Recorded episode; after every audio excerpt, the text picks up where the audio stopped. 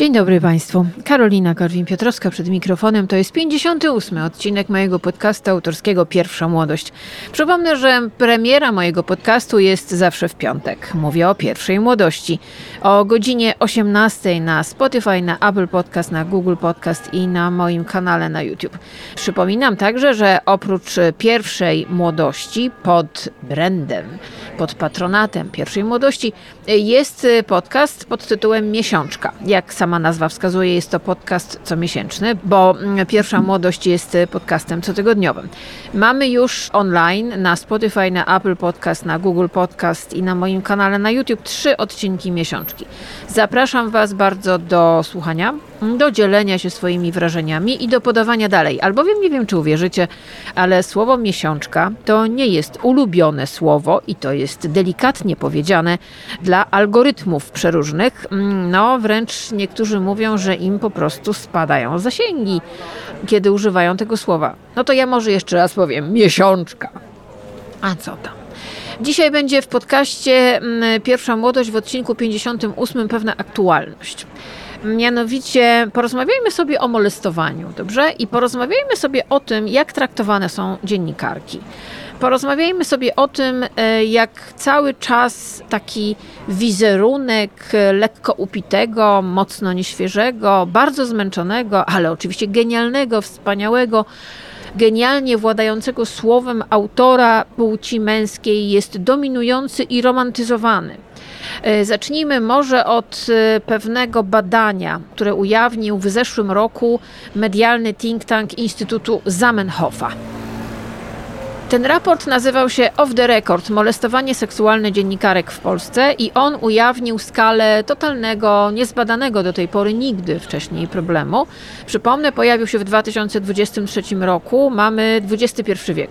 I po raz pierwszy postanowiono zbadać skalę molestowania seksualnego dziennikarek w pracy. Ja brałam też udział w tym badaniu, przysłano do mnie ankietę i ją wypełniłam. Z lekkim przerażeniem. Z przeprowadzonej ankiety, tutaj czytam, wynika, że doświadczenie bycia molestowaną ma za sobą ponad połowa dziennikarek w Polsce. Ponad połowa dziennikarek w Polsce, kobiet, które znacie z mediów, była molestowana. W różny sposób. Bo pamiętajmy, że molestowanie to nie jest tylko gwałt albo aż gwałt, tylko to jest na przykład łapanie za biust, to jest łapanie za krocze, to jest składanie propozycji, to są uwagi nie do końca miłe, sympatyczne, fajne, aczkolwiek panowie często myślą, jakie to seksowne, co ty taka sztywna jesteś, wyluzuj. PMS-a masz, a może już menopauzę? Otóż no, to też jest molestowanie. Pamiętajmy o tym. Poddano tej e, próbie, e, temu badaniu 268 dziennikarek w Polsce. To był efekt półtora rocznej pracy ekspertów i badaczy Instytutu oraz specjalistów e, firmy Kantar Public. No i teraz tak, żeby Wam uświadomić, o czym my w ogóle rozmawiamy. 59% badanych dziennikarek przynajmniej raz ucierpiało z powodu molestowania seksualnego. 59%. 39% doświadczyło niechcianego dotyku lub jego próby, co wywołało u nich dyskomfort. Wyobraźcie sobie taką sytuację, szanowni państwo, panowie i panie. Panowie, że na przykład ktoś podchodzi do was i nagle łapie was za przyrodzenie. E, a to jest w pracy, jesteście w pracy, na przykład jesteście na zdjęciach. Jak byście się poczuli? Hmm, no nie za bardzo. Dziewczyny to bardzo dobrze znają niestety, kobiety to znają bardzo dobrze niestety, na przykład łapanie za biust albo wsadzanie ręki za dekolt, bo, bo jest za głęboki ten dekolt. Powinnaś nie mieć dekoltu. Gdybyś nie miała dekoltu, to oczywiście bym cię nie złapał za twój biust, bo twój biust mnie szczuje. Ty mnie szczujesz cycem, jak to niektórzy mówią. 26% dziennikarek, to jest y, kontynuacja raportu Zamenhofa, było wbrew ich woli dotykanych w sposób jednoznacznie kojarzący się seksualnie. Z sugerowaniem korzyści w zamian za uległość seksualną miało do czynienia 14% dziennikarek, a w 13% przypadków miała miejsce próba zmuszenia ich do seksu lub innych czynności seksualnych. 5% przebadanych kobiet z tego badania Instytutu Zamenhofa ma za sobą doświadczenie stosunku seksualnego lub innych czynności seksualnych wbrew ich, ich woli. 5%. Jakby to nawet był promil, to jest bardzo dużo, a 5% to jest naprawdę bardzo, bardzo dużo. Jest jeszcze jeden dość koszmarny tutaj fakt z tego badania. Aż co trzecia badana, która zetknęła się z przemocą lub molestowaniem, mówimy o polskich dziennikarkach, zmieniła z tego powodu miejsce pracy. Ja znam co najmniej dwa takie przykłady. Ja w swoim otoczeniu. Kolejnych 9% planuje to zrobić. I to jest bardzo ciekawe. Bo to jest wielkie halo, jeżeli jakiś pan zostaje pozbawiony pracy. Nikogo nie dziwi to, że kobieta musi zmienić pracę i robi to nagle na przykład, prawda? Wydaje się po prostu, ma światu stóp, kariera w ogóle fantastyczna i nagle ona tę pracę zmienia. I nie mówi dlaczego. Po prostu już nie może wytrzymać, na przykład. Z raportu wynika, że sprawcami molestowania seksualnego w branży dziennikarskiej najczęściej są przełożeni lub osoby na wyższym stanowisku niż osoba poszkodowana. To zwykle tak jest. I to jest bardzo ważne w kontekście tego, o czym Wam zaraz opowiem. To jest zwykle przełożony, to jest zwykle ktoś, kogo się po prostu boisz, to jest ktoś, od kogo Twoje życie zawodowe jest zależne. Swoje, twoje życie zawodowe, czyli wypłata comiesięczna na konto każdy z nas ma rachunki, musi żyć, musi funkcjonować, ma zobowiązania przeróżne finansowe. Matko Święta to jest zapłata za moją pracę. I ona może, jej wysokość, ewentualne bonusy mogą zależeć od tego, czy powiem tak mojemu szefowi. I tak bywa. Taka sytuacja, o jakiej powiedziałam, że sprawcami molestowania seksualnego w branży dziennikarskiej są przełożeni lub osoby na wyższym stanowisku niż osoba poszkodowana, Taka sytuacja dotyczy 65% przypadków, czyli to nie są tylko koledzy, wiecie, z, z, pracy, nie, to są często szefowie. 82% przypadków molestowania seksualnego dziennikarek pozostaje nieujawnionych i nie jest zgłaszana przełożonym i pracodawcą. to jest bardzo ważna rzecz i to jest potworna rzecz. Ja nie chcę mówić szczegółów, bo ja nie zostałam upoważniona do opowiadania różnych historii, ale zrobiłam dwa lata temu książkę pod tytułem Wszyscy wiedzieli. Książkę, która opowiada o tym, jak wykładowcy szkół teatralnych traktowali swoich y, uczniów, swoich studentów. Traktowali ich fatalnie. I tam przede wszystkim do tej książki rozmawiałam e, z ludźmi, którzy są psychiatrami, którzy się zajmują w ogóle mobbingiem, molestowaniem, w ogóle przemocą. I ja chciałam powiedzieć wszystkim tym, którzy mówią o tym, że och, dlaczego ona tego nie zgłaszała, przecież tyle lat siedziała i w ogóle pewnie jej to było na rękę, a w ogóle nagle sobie po tylu latach przypomniała. To ja chciałam Wam uświadomić, że przede wszystkim osoba, która doświadczyła przemocy i naprawdę wiem, co mówię, przede wszystkim marzy o tym, żeby przetrwać, żeby przeżyć, żeby zasnąć i obudzić się następnego dnia rano. Ona nie myśli o tym, żeby mścić się, że jakkolwiek do, do, walczyć o swoją sprawiedliwość. Ona się po prostu cieszy, że ona to przeżyła. Jeżeli potem funkcjonuje, a zwykle tak się na szczęście dzieje, to robi wszystko, żeby to wymazać z pamięci, bo to jest trauma, to jest stres, to jest coś, co ją poniża. To ona czuje się źle, a oprawca sobie dalej chodzi i często zachowuje się coraz gorzej. Bywa, że takim triggerem, takim pobudzaczem jest jakaś sytuacja, która jest związana z osobą, która sprawiła komuś nieprzyjemność. Molestowała tę osobę, była wobec niej brutalna, była pogardliwa, ohydna, można tutaj mnożyć określenia. I bardzo często jest tak, ja na przykład słyszałam, że jak wyszła sprawa Weinsteina, to kilka kobiet, tak samo było też ze sprawą Arkelego, że one zobaczyły materiał w telewizji na ten temat i nagle po prostu zalały się łzami, bo nagle po prostu to wszystko wróciło, a bywało, że wracało po wielu latach. Tak było też ze sprawą Kozbiego w Stanach Zjednoczonych no, on molestował na przestrzeni kilkudziesięciu lat, gwałcił, wymuszał usługi seksualne od kobiet. Pod groźbą szantażu twierdził, że zniszczy im karierę i wielu też niestety te kariery zniszczył, chociaż one nic nie zrobiły, tylko po prostu, żeby pokazać sobie, swoją siłę. I one po latach, kiedy zrobiły wszystko, żeby to wy, wy, wywabić po prostu wybielaczem, chlorem ze swojej głowy, żeby to wypalić po prostu napalmem, w pewnym momencie na przykład oglądają materiał i widzą jego znowu, albo oglądają jakiś Cosby Show i to klika w tym momencie. To jest często pobaśnie po wielu latach i to jest wtedy potężna trauma, bo wraca nie tylko to, co ona przeżyła w, tam, w danym momencie, wtedy, kiedy jej to robiono, ale wraca także cała masa różnych emocji, które gdzieś nagromadziły się przez te lata, a które ona po prostu kompletnie wypierała. Więc pamiętajmy o tym. Jeżeli ktoś nie zgłasza tego, to nie tylko dlatego, że jest interesowny, czy jest mu to na rękę, i mówienie potem, że na przykład, och, po latach jej się przypomniało. Ludzie, Miejmy świadomość, że my dotykamy największego upodlenia człowieka, czyli poniżenia. Poniżenia emocjonalnego, fizycznego, psychicznego. I po prostu człowiek po czymś takim marzy po prostu, żeby się obudzić następnego dnia i żeby kolejnego dnia móc się znowu obudzić. I to jest główny, główny cel przetrwanie. Ten człowiek chce po prostu przetrwać. To jego oprawca chodzi zadowolony i często niestety kosi kolejne ofiary. 82%, powtórzę to, przypadków molestowania seksualnego dziennikarek pozostaje nieujawnionych i nie jest zgłaszane przełożonym i pracodawcy. No niestety tak jest. You make me puke. Wasn't a very nice thing to say, Martha. Ten dźwięk, który słyszeliście, ach, tak mi się akurat skojarzyło. Słuchajcie, kto się boi Virginia Woolf? Film, o którym mówiłam w jednym z podcastów, rok 1966, Richard Barton i Elizabeth Taylor. Chce mi się żygać na twój widok. No, tak bywa, prawda? No to teraz, proszę Państwa, przeczytam Państwu najpierw tytuł. Uwaga, trzymajcie się mocno. Moje dziennikarstwo. Alkohol, nieudane terapie, kobiety źle kochane, zaniedbane córki i strach przed świtem. To jest tytuł tekstu, który pojawił się tydzień temu w piątek na serwi w serwisie wyborcza.pl. Autorem tego tekstu jest Marcin Kącki, bardzo znany reportażysta i dziennikarz w tej gazecie. Ja tego tekstu nie czytałam wtedy, kiedy on się pojawił. Mówiłam wam wielokrotnie, że jestem bardzo rzadko na Facebooku i rzeczywiście zaglądam tam raz na tydzień i w ogóle nie wchodzę w tą sekcję, gdzie algorytm mi podrzuca jakieś teksty do czytania z mojej bańki na przykład. Więc po prostu wpuściłam w piątek odcinek pierwszej młodości i zamknęłam komputer i w ogóle się tym nie interesowałam. Ja nie mam aplikacji Facebook w telefonie, więc tak naprawdę to, co jest na Facebooku, bardzo mnie omija. I nagle w sobotę ci ja tutaj dostaję, patrzę, że mam jakieś tam linki, ludzie mi przysyłają na mojego Instagrama, na tu jeszcze jestem e, aktywna i ludzie, którzy dają mi follow, mogą do mnie wysłać wiadomość. Do czego zmierzam? Nagle patrzę, że wysyłają mi tekst Kąckiego. I linki są też do różnych profili na Facebooku. I sobie myślę, dobrze, to jest sobota i ja sobie po prostu usiadłam, to był wieczór, usiadłam i zaczęłam czytać.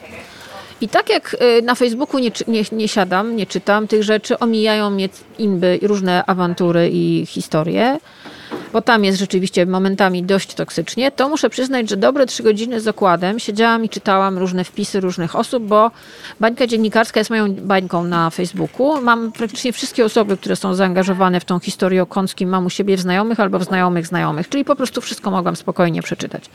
Specjalnie się nie udzielałam, tylko czytałam to. Przede wszystkim przeczytałam ten tekst, który mnie zmroził, bo pod przykrywką dość, moim zdaniem, atrakcyjnej formy, aczkolwiek momentami nieznośnej po prostu, tak naprawdę przykrywa rzecz potworną, bo to jest tekst o tym, jak się jest po prostu człowiekiem bardzo niefajnym, który bardzo źle się zachowuje wobec ludzi, głównie wobec kobiet w swoim życiu. I to była taka pierwsza moja refleksja. Przeczytałam go dwa razy i było mi no, momentami naprawdę niedobrze. Z wielu powodów, o tym za chwilę. Potem zaczęłam czytać te odpowiedzi i tę całą dyskusję, która się po tym tekście pojawiła.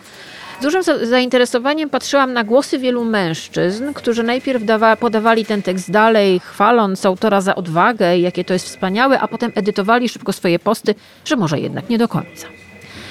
To był taki tekst i to, je, to był, bo jego już nie ma na wyborczej, został zdjęty rychło w czas. To jest w ogóle cała historia, już nie będę wam opowiadała, dlaczego on się tam znalazł, czy wyborcza go czytała przedtem, czy ktoś go zredagował, czy ktoś w ogóle wiedział, co tak naprawdę jest w tym tekście czy po prostu go puszczono, po prostu, no bo to jest Kącki, więc puszczamy jego tekst. Nie wiem, nie wnikam, to to są wewnętrzne sprawy redakcji, to mnie kompletnie nie interesuje.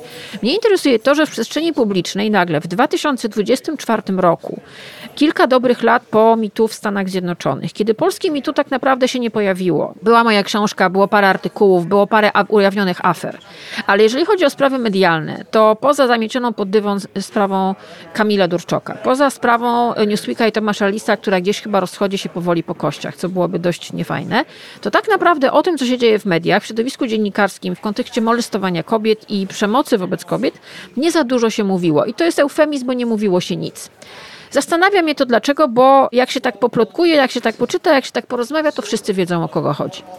No ale jakoś tak nie mówimy. To jest specyficzna branża, to dziennikarstwo. To jest też taka branża, która jest w ogromnym kryzysie to też trzeba bardzo jasno powiedzieć. Ten zawód z, z, z, takiej, jak się robi listę najbardziej szanowanych zawodów, to kiedyś był na szczycie, teraz jest praktycznie na samym dnie. Z bardzo wielu powodów.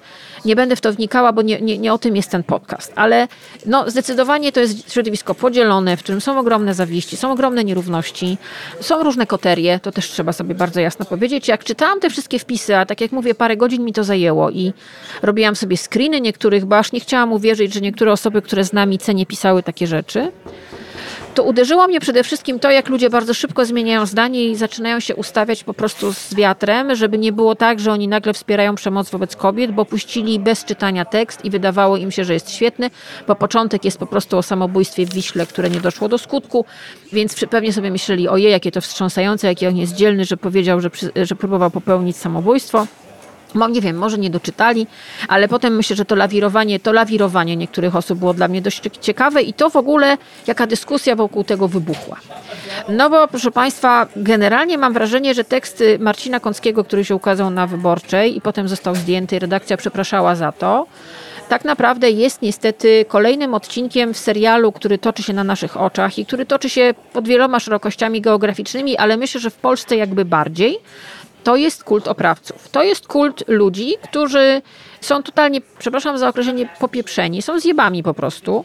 Mają ogromne problemy emocjonalne i życiowe, zrzucają to na ciężkie dzieciństwo, na bieganie z kluczem na szyi, na to, że mamusia mnie kochała, nie wiem, tatuś mnie nie kochał. Oczywiście wszyscy są w terapii. Pamiętamy Pandora Gate, kilku oskarżonych przez kobiety o niezafajne zachowanie też nie chcę tutaj się już wgłębiać w to, ale mówiło, ale ja jestem w terapii. Ten argument bycia w terapii, przepraszam, można być w terapii i być totalnym zjebem. To nie wyklucza jedno drugiego. I można też niszczyć ludzi. Terapia nie zwalnia cię, e, jakby nie jest e, lekarstwem. Terapia jest propozycją do położenia puzli w głowie. Albo to zrobisz, albo nie. A to, że jesteś w terapii nie jest żadnym argumentem. Żadnym. Przeczytałam też z przerażeniem post na Facebooku, który napisała dziewczyna, o której Marcin Kącki napisał w tym tekście. Ona się do tego tekstu odniosła, tekst Kąckiego był w piątek, ona około południa w sobotę napisała na Facebooku. To jest dziewczyna, nie będę podawała tutaj imienia i nazwiska, ale napisała bardzo mądrą i mocną rzecz. Ona jest dziennikarką i ona napisała coś takiego. Chcę, żebyście się uważnie wsłuchali w to, co ona napisała. Mam już dość, jestem zmęczona kultem oprawców. Tym, że ludzie czytają tekst Kąckiego i biją mu brawo, nie zastanawiając się nad tym, co z tymi dziesiątkami ofiar, które w nim wymienia. Bo Kącki w tym tekście wymienia matki swoich dzieci, swoje córki, różne tam kobiety, które spotykał po drodze. No to są te kobiety, jak to on sam powiedział, kobiety źle kochane. Ciekawe określenie. I potem ta dziewczyna pisze dalej. Marcin, skoro byłeś tak szczery w swoim tekście, to dlaczego nie napisałeś wprost, co zrobiłeś mi i innym dziewczynom? Czemu nie napisałeś, że moje wielokrotne nie potraktowałeś jak nie były? Czemu nie padło, jak rzuciłeś do mnie, że teraz odmawiasz, a po trzydziestce nie będziesz już tak wybrzydzać i będziesz ruchać się jak popadnie? A propos taki trend, to jest bardzo częsty argument y, mężczyzn, tak. Mhm. Dalej. Jak za stosowne uznałeś rozebranie się i masturbację mimo mojego ewidentnego przerażenia? Obrzydliwe zachowanie. To może ja powtórzę. Jak za stosowne uznałeś rozebranie się i masturbację mimo mojego ewidentnego przerażenia? Tak napisała ta dziewczyna i potem się zaczęła cała historia, bo to tak naprawdę myślę, że ona po prostu zobaczyła, że w nocy z piątku na sobotę cała masa ludzi udostępniała ten tekst zachwyconych w ogóle tym, co napisał ten reporter.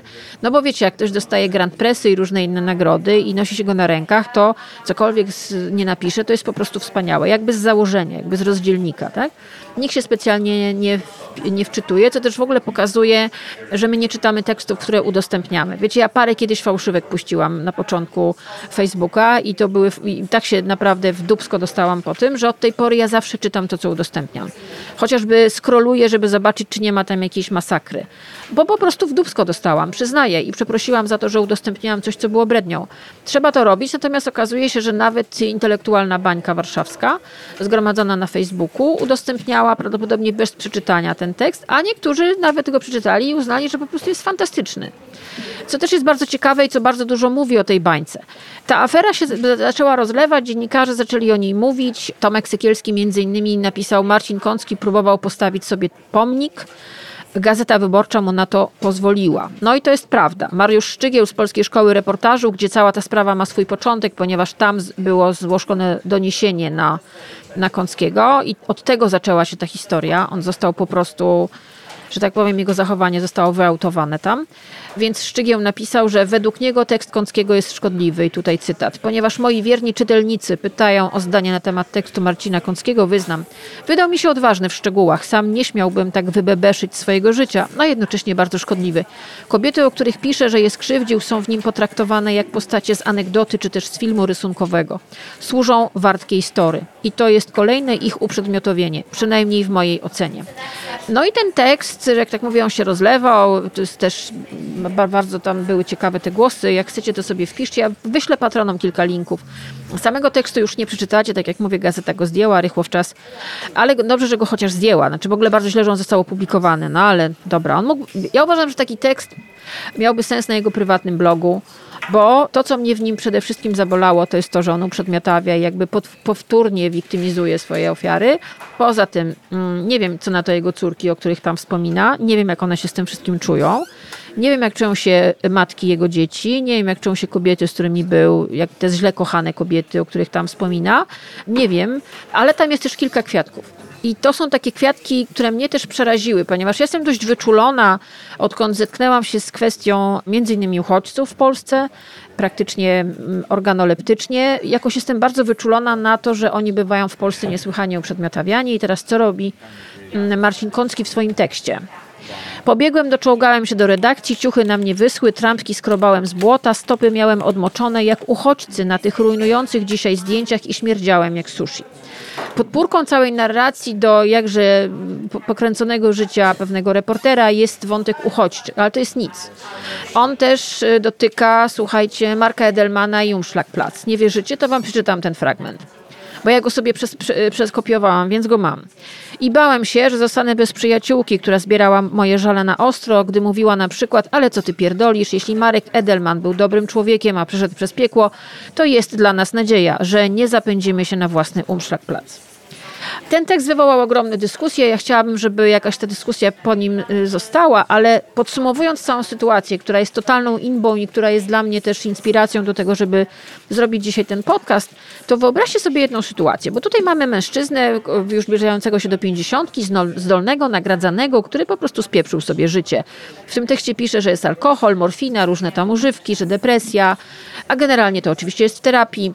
Trudne dzieciństwo, wiecie, każdy z nas miał trudne dzieciństwo w jakimś sensie, no ale to już znaczy naprawdę w XXI wieku podpórka pod postacią trudne dzieciństwo to jest nic. Ale wyobraźcie sobie, no mamy takiego tutaj pana, on sobie publikuje tekst i ten tekst potem się rozlewa po internecie, on potem, prawda, próbuje tą piłkę jakoś odbić i generalnie to jest też taki tekst, który uderza w jakimś sensie w feministki, że w to tu, które tak naprawdę kastruje mężczyzn. No dobrze, to kastruje mężczyzn, a pisze to ktoś, kto, jak tutaj czytałam, masturbował się i rozebrał do naga przy dziewczynie mimo jej sprzeciwu. To przepraszam bardzo, czego on tutaj nie rozumie, że po prostu jak się jest z kobietą na przykład w jednym pomieszczeniu i nagle zdejmujesz gacie za przeproszeniem albo jeszcze coś i zaczynasz się przy niej masturbować, to uważasz, że to jest halo, tak? Ona powinna z zachwytu po prostu śpiewać piosenki ludowe albo nie wiem, co robić, tak? Powinna mówić, ach, cudownie, cudownie, tak? Czyli nie rozumiesz jej nie, tak? Czyli po prostu co to jest. Moja mama mówiła, że po prostu wszystko jest kwestią złych albo dobrych manier. I ja mam takie wrażenie, że po prostu niektórzy żadnych manier już nie mają. I wyobraźcie sobie, tu mamy faceta, którego niektórzy w ogóle już głaszczą po głowie i mówią, on jest taki biedny, on sobie układa życie, on teraz po prostu sadzi róże nie pije, już ma nową, nową kobietę oczywiście. Ciekawe, kiedy jej poświęci jakiś kolejny bardzo fajny tekst. W ogóle jest świetny i w ogóle no, sam sobie strzelił w kolano, o jejku, jejku, jejku. I wyobraźmy sobie teraz inną sytuację, że taki tekst pisze kobieta że kobieta w okolicach pięćdziesiątki, tak jak pan Kącki, siada i pisze tekst, w którym na przykład pisze o tym, że no jestem po prostu, miałam trudne dzieciństwo, biegałam z kluczem na szyi, brałam morfinę, narkotyki, piłam alkohol, robiłam różne rzeczy, chodziłam do burdeli. No przy okazji tam jacyś ludzie przez, dzięki mnie wylądowali w więzieniu i bardzo dobrze, więc mamy taki ten, tą aureolę e, Wonder Woman, no ale generalnie, prawda, na prawo i lewo, depresja oczywiście, oczywiście jest w terapii, E, wyobraźmy sobie, że ona opowiada w takim tekście, że masturbowała się przed podwładnym, na przykład e, rozbierała się przed nim i na przykład mówi oczywiście, że miała, nie wiem, trudne małżeństwo, jedno drugie. Wyobraźmy sobie, że kobieta pisze, że ma mężczyzn źle kochanych, którzy wychowują jej dzieci, bo to jest też bardzo ciekawy wątek tego tekstu. Wyobraźmy sobie to. I wyobraźmy sobie, że kobieta usprawiedliwia swoje fatalne zachowanie wobec innych, na przykład robię taką podpórkę w postaci właśnie uchodźców, w postaci e, zagranicy białoruskiej, Umszlak-Plac na przykład. I teraz wyobraźcie sobie, że ta to napisała kobieta. I wiecie, co by z niej zrobili? Zrobiliby z niej po prostu tatara w 15 sekund. Jeżeli by kobieta napisała taki tekst, to jeżeli ktoś by go udostępnił, to na pewno totalnie potwornym komentarzem, absolutnie słusznym, gdyby taki tekst powstał. Nikt by nie głaskał jej po głowie. Byłoby zero wytłumaczenia. A to mamy faceta, który robi to, co robi, pisze o tym długi tekst i to jest tekst po prostu, który obnaża jego, jego życie. Do tego jeszcze dopisują jego ofiary różne rzeczy i duża część intelektualnej, decydującej o tym, jak wyglądają media w Polsce warszawskiej i bańki facebookowej udostępnia go zachwycona. Ludzie, co z wami nie tak? Znaczy, jeżeli chcieliśmy mieć dowód na stole, jak wygląda traktowanie w, kobiet w Polsce i jak wyglądają podwójne standardy, to właśnie żeśmy go dostali. Nonsense? Hmm? To, co słyszeliście przed chwileczką, to jest y, okno na podwórze. Tak się Hitchcockowsko trochę zrobiło, więc fragment filmu e, Alfreda Hitchcocka, James Stewart i Grace Kelly. Mm, no bo tak mi się właśnie zrobiło trochę Hitchcockowsko, trochę kryminalnie, trochę jest z suspensem, więc jeżeli bym miała Państwu polecić coś, co na tę całą sytuację, która, bo wiecie, przez lata to było zamiatane pod dywan. To jak ja robiłam tą książkę, wszyscy wiedzieli, to też widać było, że przez dekady wiadomo było, jacy wykładowcy, w jakich szkołach, ile razy, komu co robili, jak niszczyli w imię sztuki ludzi.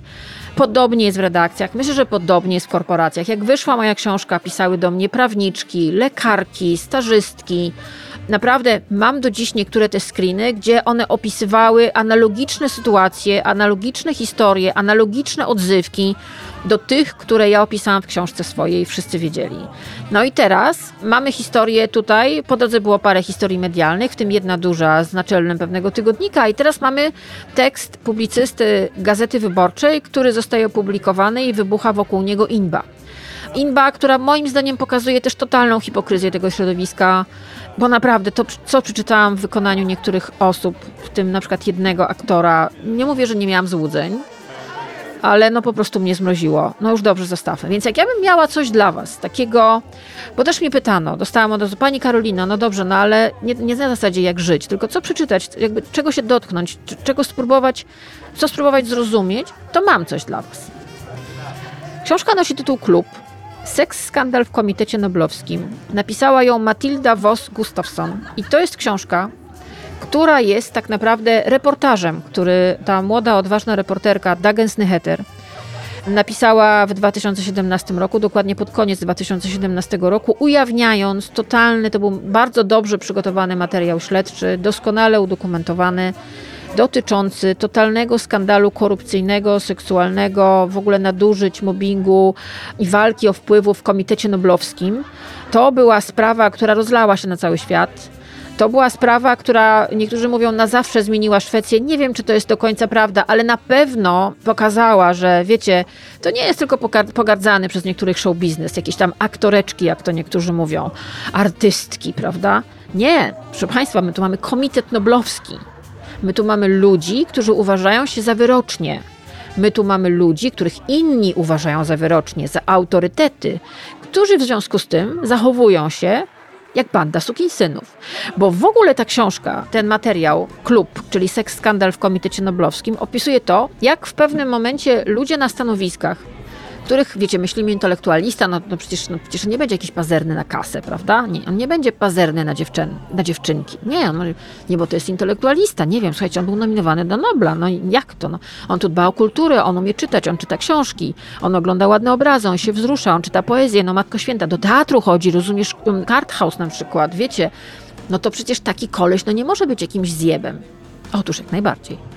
I myślę, że siła tej książki, siła tej historii polega także na tym, też jej destrukcyjna, bo ona pokazuje, że bycie seksistowskim mizoginem, pogardliwie traktującym kobiety, łapiającym je, wykorzystującym, gwałcącym je wbrew woli, to nie musisz być tylko, nie wiem, kimś z nizin. Nie, że to robią po prostu panowie na stanowiskach, znani i uznani. I książkę Klub czyta się po prostu trochę jak horror, trochę jak kryminał, bo rzeczywiście Matilda Voss Gustafsson ona wykonała tutaj kawał ogromnej roboty dokumentacyjnej. Spotkała się z kobietami, które no, padły ofiarą pewnego człowieka, niejakiego Jean-Claude Arnaud. To jest taki pan, taki człowiek, który miał bardzo wysoką pozycję w szwedzkim świecie kultury, który otrzymywał regularne wsparcie finansowe od Akademii Noblowskiej, był uznawany za autorytet, a nikt tak naprawdę nie sprawdził skąd on się wziął.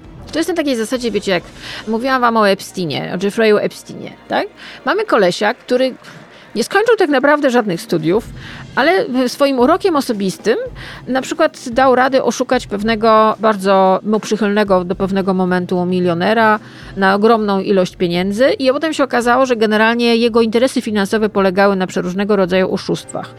Nikt nie sprawdził, czy on ma jakieś studia, czy on w ogóle ma jakieś papiery. Słuchajcie, on się fotografował z najważniejszymi ludźmi świata, dostarczał im nieletnie dziewczyny, ale nikt nie sprawdził tak naprawdę, czy to, co stoi u podstaw jego sukcesu, czyli opowieści o tych studiach, stażach, o tych wspaniałych pracach i załatwionych interesach, czy to jest prawda. Nikt tego nie zweryfikował. No myśmy w minionym roku mieli dwie historie o dwóch celebrytkach, których nikt nie zweryfikował. Znaczy, jakby historia zdebilniałych mediów to jest historia absolutnie uniwersalna. Natomiast w Szwecji facet, wokół którego cała ta historia się kręciła, mówię tutaj o książce Klub, czyli seks skandal w Komitecie Noblowskim, nazywał się Jean-Claude Arnaud. I to był facet, który opowiadał o sobie przeróżne rzeczy na temat swojego pochodzenia na przykład, na, te, na temat tego, jakie on ma umiejętności, jakie to on ma studia. No naprawdę totalna, absolutna, postawiona na piedestale mitomania, na którą się wszyscy nabierali. I słuchajcie, nikt w ogóle nie sprawdzał, czy to, co on opowiada, jest uroczy, elegancki, z Francji, no w ogóle, wiecie, łatwo się ubiera, nie jest jakimś starym dziadem, jest wyględny, wiecie, wszystko służyło temu, żeby y, uczynić obraz niezbyt ostrym i żeby nas po prostu otumanić leciutko, nas, znaczy Szwedzki Komitet Noblowski, nie tylko. To jest rzeczywiście książka, mówię o książce Klub, która pokazuje, że niekoniecznie trzeba być producentem filmowym Harveyem Weinsteinem, czy tak zwanym pseudofinansistą jak Jeffrey Epstein, żeby zachowywać się dokładnie w taki sam sposób, że można działać komi blisko Komitetu Noblowskiego i robić rzeczy potworne. Poza tym to też jest opowieść bardzo ciekawa. Mówiłam o tym tekście, który ukazał się na łamach wyborczej w wydaniu internetowym i to jest też taki kolejny schemat, który się przenosi, który jest cały czas aktualny. Na przykład to, że jesteś artystą, w związku z tym w imię sztuki możesz się posunąć do różnych rzeczy. Tak na przykład usprawiedliwiano fatalne zachowanie się reżyserów wobec aktorów, e, zarówno w kinie, jak i w teatrze. Tak na przykład niektórzy byli już na szczęście naczelni, uzasadniali swoje zachowanie wobec swoich podwładnych w gazetach. My robimy rzeczy kreatywne, my, kreacja wymaga emocji, emocje są często wyczerpujące, w związku z tym no, robimy różne rzeczy wobec naszych podwładnych, w związku, bo chodzi nam o cel. Wszyscy się umawiamy, że dążymy do tego celu po trupach. No i to po trupach często znaczyło rzeczywiście, że po trupach. No bo to jest to właśnie to, że ty coś tworzysz, ty coś kreujesz, w związku z tym jesteś człowiekiem, który jest nietykalny, który jest ponad prawem. No i tutaj ten Jean-Claude Arnaud, który był wielokrotnie w ogóle wychwalany w mediach szwedzkich, noszony na rękach. Mówiono, że no, ratuje kulturę szwedzką. Dostał medal od króla, słuchajcie. Wszyscy wiedział, wiedzieli, kim on był. To był facet, który, tak jak już wam powiedziałam, z nizin społecznych wszedł sobie po drabince bardzo wysoko, a tak naprawdę, słuchajcie, z wykształcenia był elektrykiem, a jak przyjechał do Szwecji, krował się od razu na intelektualistę, bo miał chyba świadomość, że nikt tego nie sprawdzi, kim on tak naprawdę jest. Poza tym on bardzo chciał być artystą, to jest ten wątek, o którym wam mówiłam. Chciał być doceniony, chciał być podziwiany i walczył o uznanie, więc podejrzewam, że też po prostu chciał, no był takim typowym attention whore, czyli zrobiłby wszystko, żeby zdobyć uznanie innych ludzi. Kiedy zyskał władzę w świecie kultury, stał się osobą decyzyjną, no i zaczął wykorzystywać między innymi młode kobiety, które chciały zostać artystkami. Dla niego to się wydało naturalne, którym w zamian za różne rzeczy proponował na przykład właśnie albo rozwijał wizję rozwi wspaniałej kariery y, artystycznej. Założył między innymi klub Forum, który stał się bardzo prestiżowym i atrakcyjnym miejscem i Matilda Vos Gustafsson pisze o tym. No i przede wszystkim y, dzięki swoim wpływom prywatnym także, bo on ożenił się z Katriną Frostenson, która była bardzo znaną, uznaną poetką i była właśnie blisko Akademii Szwedzkiej, stał się osobą, która w jakimś sensie no, wpływała na to, kto do tego Nobla był nominowany i kto go dostawał. Był bardzo blisko tam. Historia, którą opisuje Matilda Voss Gustafsson, to jest opowieść wstrząsająca. Ale to jest też moim zdaniem taka książka, bo to jest napisane bardzo dobrze. To w ogóle nie jest napisane jak taki typowy, wiecie, materiał śledczy. To jest przede wszystkim opowieść, która moim zdaniem ma taką formę thrillera jakby. To się czyta z zapartym tchem. To jak ona idzie po sznurku, zdobywa kolejnych informatorów, informatorki, ludzie jej mówią różne rzeczy i ona zaczyna odkrywać ku swojemu własnemu przerażeniu, do czego ona tak naprawdę dochodzi. I przeczytam wam fragment tej książki. To jest e, fragment, muszę tutaj sobie przestawić już. To jest moment, kiedy ten tekst, e, na którym ona bardzo długo pracowała, już pojawił się w internecie. Kiedy wszystko jest gotowe, i kiedy okazuje się, że ten tekst za, za sprawą jednego kliknięcia pojawia się w internecie i kiedy cały świat zaczyna ten tekst czytać. I, i to jest. E, no, przeczytam wam fragment. Tego samego popołudnia siedzę przyklejona do różnych ekranów i obserwuję, jak tekst rozprzestrzenia się w sieci. Widzę, jak do mojej skrzynki wpada mail za mailem, jakby folder z odebranymi wiadomościami odmierzał sekundy. Świadomość, że tysiące ludzi wierzy świadkom, przynosi mi ulgę, uwalnia mnie. To fizyczne uczucie, które sprawia, że moje ciało w ogóle nie potrzebuje snu. W ciągu doby dociera do mnie 10 kolejnych historii o molestowaniu seksualnym. Pięć dotyczy poważnych wykroczeń. San napisze.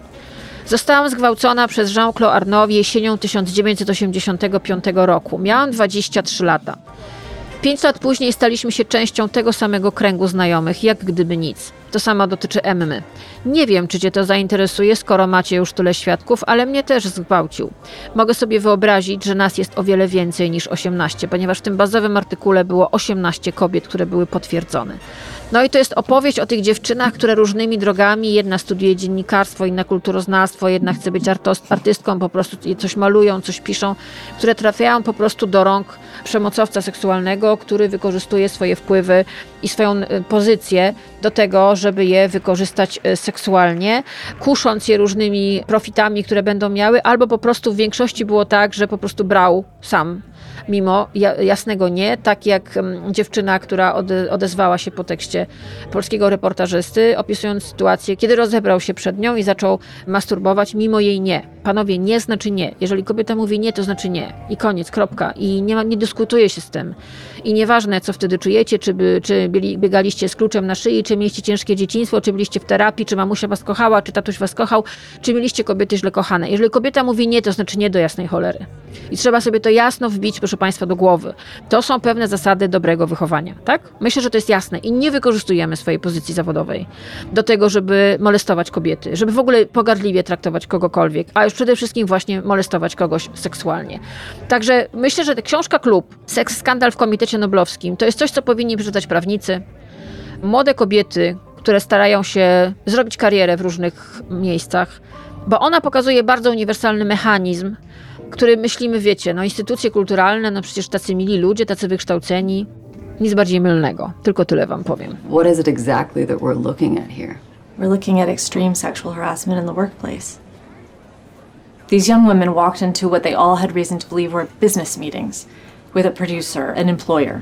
They were hopeful, they were expecting a serious conversation about their work or a possible project. Instead, they say he met them with threats and sexual demands. They claim assault and rape. If that can happen to Hollywood actresses, who else is it happening to? Wyobraźcie sobie scenę, którą słyszeliście przed chwileczką. To jest kuchnia w redakcji New York Timesa w Nowym Jorku.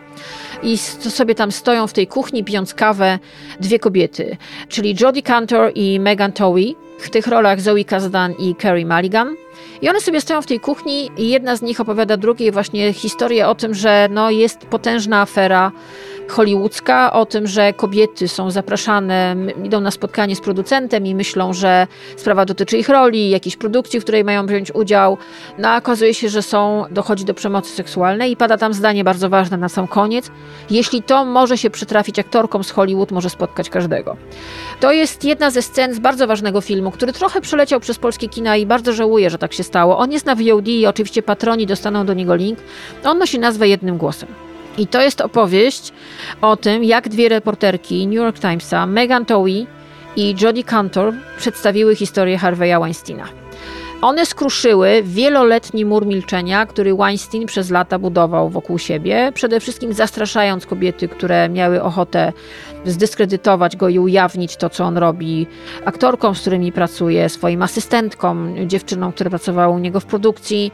Obchodził się w nimi w taki sposób, że przede wszystkim mówił im, że jeżeli to do komukolwiek opowiesz, to nie znajdziesz pracy nigdzie, a było wiadomo, że Weinstein ma dokładnie wszędzie swoje macki. Jeżeli one próbowały stać, zgłosić sprawę sprawę na policję. Dochodziło do ugód, które były pokrywane zresztą z kasy Miramaxu, co stało się jednym z takich punktów jego oskarżenia, ponieważ on nie miał prawa tego robić, ale to było robione z kasy Miramaxu, jego firmy producenckiej. Płacono ogromne odszkodowania kobietom w ramach ugody, kobietom, które no, on molestował, gwałcił, poniżał, robił z nimi różne bardzo niefajne rzeczy. W 2017 roku ukazał się tekst w New York Timesie, tekst, który był po prostu absolutnie, totalnie wstrząsający, ponieważ po raz pierwszy, po latach plotek, jak potem ujawnił Ronan Farrow, była pierwsza wersja tego tekstu na początku lat 2000, pierwsza wersja historii o tym, co robi Harvey Weinstein, ale Harvey Weinstein wtedy użył wszystkich swoich możliwych wpływów, a miał je naprawdę potężne. To był wtedy człowiek, który był na szczycie po prostu Hollywoodu, który miał wszystkich, wszystkie telefony u siebie, telefony do ważnych osób i on zrobił wtedy wszystko, udało mu się zakopać ten tekst, co nie zmienia faktu, że dziennikarze już węszyli. Było wiadomo, było tajemnicą Poliszynela. Wszyscy wiedzieli, że, że zacytuję tytuł mojej książki, że on robi rzeczy skandaliczne. Tylko problem polegał na tym, że żadna z jego ofiar nie mogła, nie chciała powiedzieć głośno pod imieniem i nazwiskiem dokładnie tego, co jej zrobił. No bo to jest warunek, żeby taki tekst mógł się ukazać i żeby był wiarygodny. Co zrobiły dwie dziennikarki New York Timesa, co fantastycznie opowiada film jednym głosem, który bardzo wam polecam. To jest opowieść o śledztwie. To jest trochę rzeczywiście wszyscy ludzie prezydenta, słynny ym, film o tym, jak wykryto aferę Watergate i też opowieść o śledztwie dziennikarskim, fantastycznym, tylko w wersji żeńskiej. Tu też mamy śledztwo dziennikarskie dwóch dziennikarek, które po prostu przyczepiają się do tego tematu, wiedzą, że sprawa jest prawdziwa, ale muszą przede wszystkim, żeby ten tekst powstał, a to jest New York Times, to nie jest byle gazetka. Z całym szacunkiem to nie jest wyborcza.pl. Tam się sprawdza, tam się bierze wszystko w kontekst, tam się wielokrotnie wszystko analizuje. W Stanach Zjednoczonych jest świadomość tego, że jeden tekst w gazecie może zmienić prezydenta, bo do tego do, doszło u nich. I mają świadomość tego, że to jest może, siła takiego tekstu może być potężna. I to jest opowieść przede wszystkim o tych dziewczynach, dwóch kobietach, które mają swoje życie, próbują jakoś funkcjonować. Jedna z nich niedawno została mamą, ale jednocześnie biorą się za robotę, która wyczerpuje je fizycznie, psychicznie. Potworna jest to jazda emocjonalna, ale też ogromny upór. My widzimy, jak one pukają do drzwi, jak one dzwonią, jak one jeżdżą, jak one jak wyrzucone drzwiami wracają oknem, jak one próbują się dobić do tych kobiet, które na dźwięk nazwiska Weinstein trzaskają drzwiami, dostają histerii, po prostu wpadają w paranoję, bo to jest ten trigger. One zrobiły wszystko, żeby zapomnieć. One zrobiły wszystko, żeby zacząć życie od nowa po tym, co on im zrobił. No i okazuje się, że to im się udaje, że tym dwóm dziennikarkom, świetnie moim zdaniem granymi, mm, granym przez Zoe Kazdan i Carrie Mulligan, udaje się doprowadzić do tego, że jest ten pierwszy tekst, który rozpoczyna lawinę badania tego, co robił ludziom, kobietom Harvey Weinstein. Jeżeli szukalibyście jakiegoś podobieństwa, to jeżeli pamiętacie film Spotlight o historii dziennikarzy, którzy odkryli e, wielką aferę z molestowaniem w kręgach kościelnych w Stanach Zjednoczonych, Czwarta Władza na przykład, czy serial Na Cały Głos, który był, pokazywał historię telewizji Fox News, no to to jest mniej więcej coś takiego, tylko że tu mamy opowieść o kobietach. Tu kobiety opowiadają o losie kobiet i to jest też bardzo ważne i to jest bardzo dobrze powiedziane i Widzimy młode, świetne, bardzo ambitne, bardzo pracowite, napalone na robotę kobiety, ale które też przy okazji muszą wykazać się ogromną empat- empatią przy tym wszystkim, co robią, bo one dotykają naprawdę dnia, dna piekła i to o, o, tym jest w tym filmie.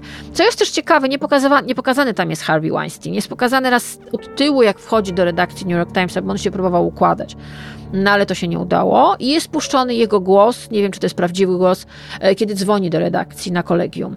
Poza tym jego nie ma. To jest opowieść o kobietach. To jest film, który fantastycznie pokazuje mechanizm tego, co robił Weinstein, ale który pokazuje w ogóle taką solidarność kobiet w sposób naprawdę świetny, moim zdaniem modelowy. Szkoda, że on tak przeleciał.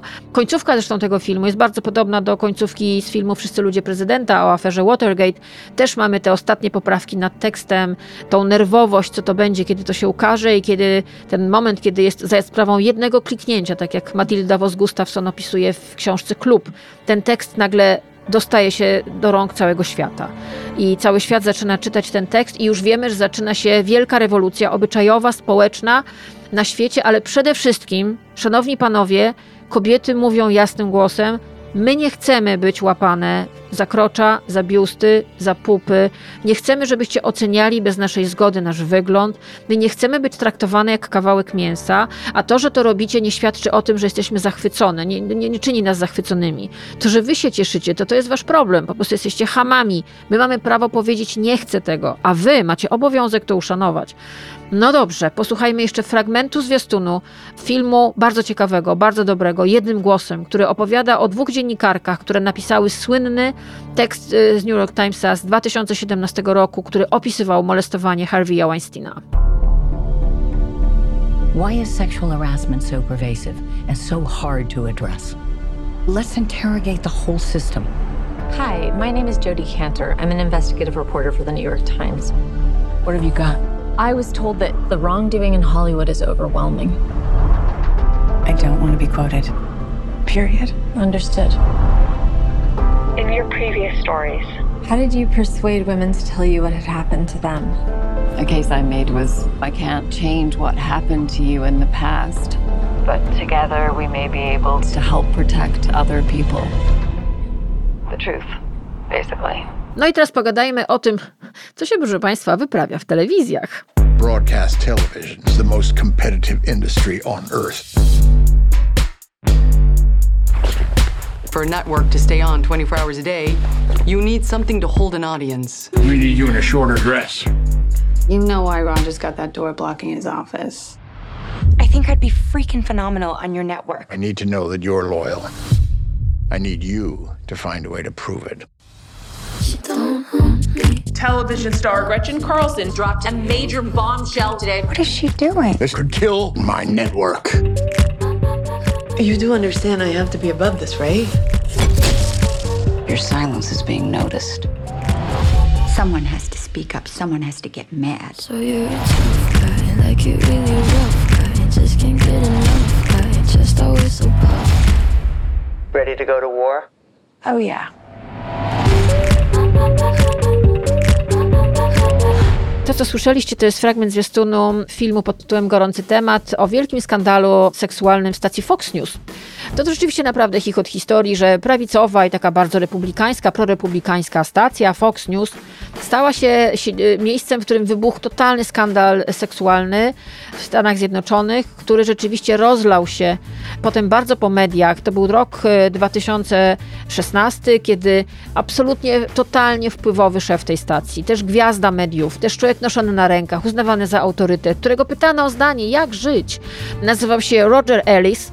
Okazał się po prostu totalnym seksualnym predatorem.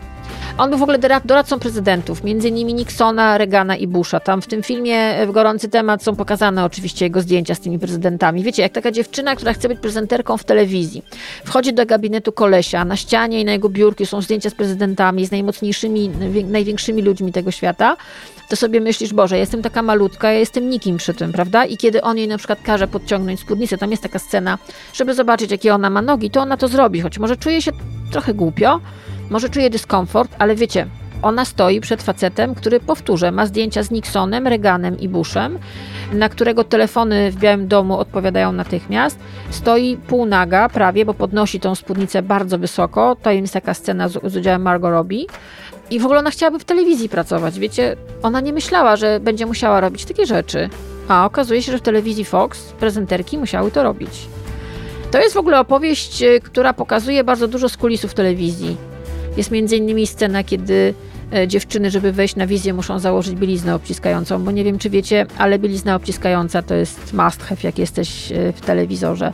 No i to jest e, to, co stało się też tematem dowcipów, że jeżeli jesteś takich trochę seksistowskich, ale była w tym dużo prawdy niestety, że te prezenterki Fox News wyglądają czasami jak z nocnych klubów, bo rzeczywiście tam był pewien dress code, o którym jest w tym filmie, Mówię o filmie Gorący Temat. One wszystkie musiały nosić obcisłe, krótkie sukienki i bluzki z dekoltem obowiązkowo. Ten biust był ważny i nogi były ważne. Informacja była na dalszym planie. One miały przykuwać uwagę swoim wyglądem, a nie tym, co mają do powiedzenia. Czyli na pierwszy plan od razu, na dzień dobry, był stawiany ich wygląd, a nie to, czy są mądre, czy są w stanie podać dobrze informacje, czy są zorientowane.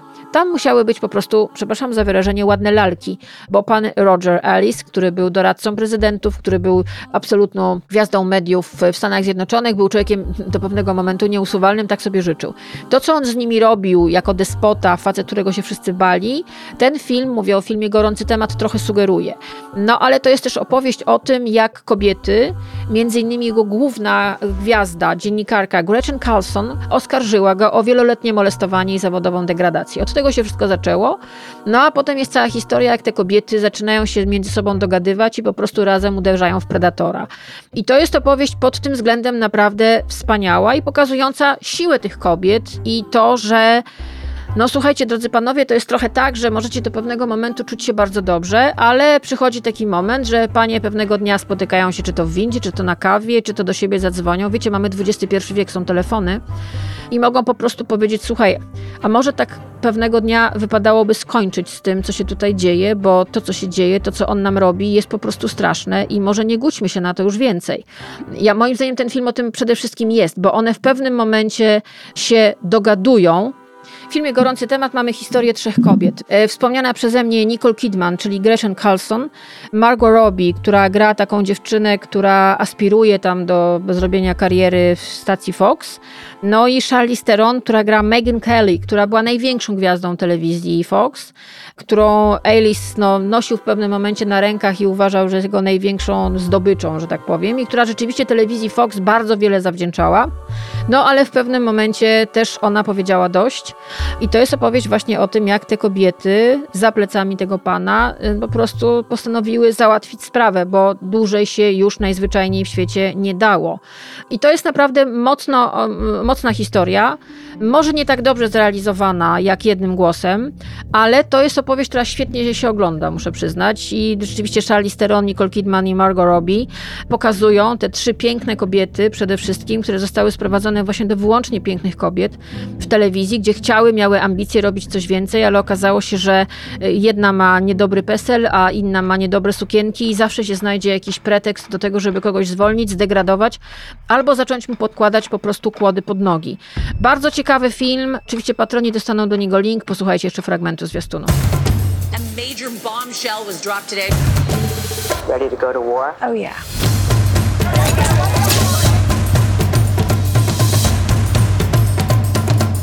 Hot in here. Także proszę Państwa, kończąc całą tę historię, wyobraźmy sobie kobietę, która pewnego dnia publikuje na łamach prestiżowego portalu opowieść o tym, jak to zachowywała się przez całe życie jak świnia. Że molestowała, że piła, że chlała, że brała, że nie dbała o swoje dzieci. Porównała się przy okazji, użyła jako podpórkę uchodźców, umszlak placu, zmarłej dziennikarki, bo tutaj w tym tekście, o którym Wam mówiłam, też jest bardzo ważna część, gdzie jest podpórka w postaci rozmów niby ze zmarłą dziennikarką, która już nie może się do tego odnieść, więc nie wiadomo, czy one miały miejsce, czy nie. Diabli wiedzą. I wyobraźcie sobie, że kobieta pisze taki tekst. Myślę, że następnego dnia nie, on po 15 minutach po prostu byłaby skancelowana do spodu. Ale ten tekst napisał mężczyzna. Napisał go tydzień temu i do tej pory niektórzy są nim zachwyceni. Kobiety źle kochane, bardzo ciekawe. Chciałabym, żeby mężczyźni zrozumieli, że nasze nie oznacza nie, a nie, och Boże, jaka jestem podniecona i rób mi to dalej. Nie, to, to nie oznacza. Jeżeli mówimy nie, to znaczy nie. Bez względu na to, czy pracujemy w sklepie, w redakcji, czy na planie filmowym. Jeżeli macie problem ze swoimi emocjami, to to się leczy. Jeżeli macie problem z nałogami, to się leczy. Jeżeli macie problem z tym, że mieliście ciężkie dzieciństwo, to się leczy. Są od tego leki, są terapie, ale terapia nie jest usprawiedliwieniem do waszego koszmarnego zachowania. Chciałabym, żeby młode pokolenie, które wchodzi teraz na rynek pracy do, do, do, i słyszę, jak one, jak te dziewczyny reagują, zmieniło ten świat. Na razie niestety tydzień temu w mojej bańce facebookowej pojawił się tekst, który całkiem spora liczba intelektualistów, ludzi opiniotwórczych puściła dalej zachwycona. No, i to jest dość przerażające. Proszę Państwa, to był podcast Pierwsza Młodość. Ja się nazywam Karolina Korwin-Piotrowska. Moim e, wydawcą, osobą, która to pięknie poukładała do końca jest Mateusz Nowosad. Przypomnę, podcast ma premierę zawsze w piątki o godzinie 18 na Spotify, na Apple Podcast, na Google Podcast i na moim kanale na YouTube. Mamy trzy odcinki comiesięcznego podcastu, który nazywa się Miesiączka. On jest też na Spotify, na Apple Podcast, na Google Podcast i na YouTube. Bardzo Was proszę o podawanie dalej. Mm, nie jestem ulubienicą algorytmów, ale to już mówiłam kilka razy. Podcast powstaje dzięki Patronite i patroni od progu 25 co tydzień, zarówno jeżeli chodzi o pierwszą młodość, jak i miesiączkę, mają newslettery. I w tym tygodniu też dostaną przy okazji jako bonus całą listę książek, które mówią o tym, jak zachować się w sytuacjach granicznych, na przykład właśnie przemocy, molestowania w pracy i tego, jak na przykład jakiś pan e, znany i uznany nagle się przed wami rozbiera i macha pindolem za przeproszeniem. Bo już się ukazały takie książki po polsku i uważam, że trzeba je puszczać dalej i trzeba mówić o tym, że one są i trzeba mówić, że tego typu zachowanie nie świadczy o was, przed którymi to się dzieje, tylko o tym, który to robi. I że to on ma potężny problem. I romantyzowanie takich zachowań jest po prostu słabe. Mamy 2024 rok i wypadałoby już po prostu obudzić się i przestać romantyzować pokręconych, narcystycznych, psychopatycznych zjebów. I z tym Was, proszę Państwa, zostawiam. Bądźcie zdrowi, bądźcie bezpieczni, bądźcie mądrzy, a na koniec, żeby tak było ładniej, trochę może romantycznie, po tym dość mało romantycznym odcinku pierwszej młodości, oto Humphrey Bogart i Ingrid Bergman z filmu Casablanca. Pocałuj mnie tak, jakby to był ostatni raz. Do usłyszenia. If you shouldn't get away, I mean, if if something should keep us apart, wherever they put you and wherever I'll be, I want you to know that.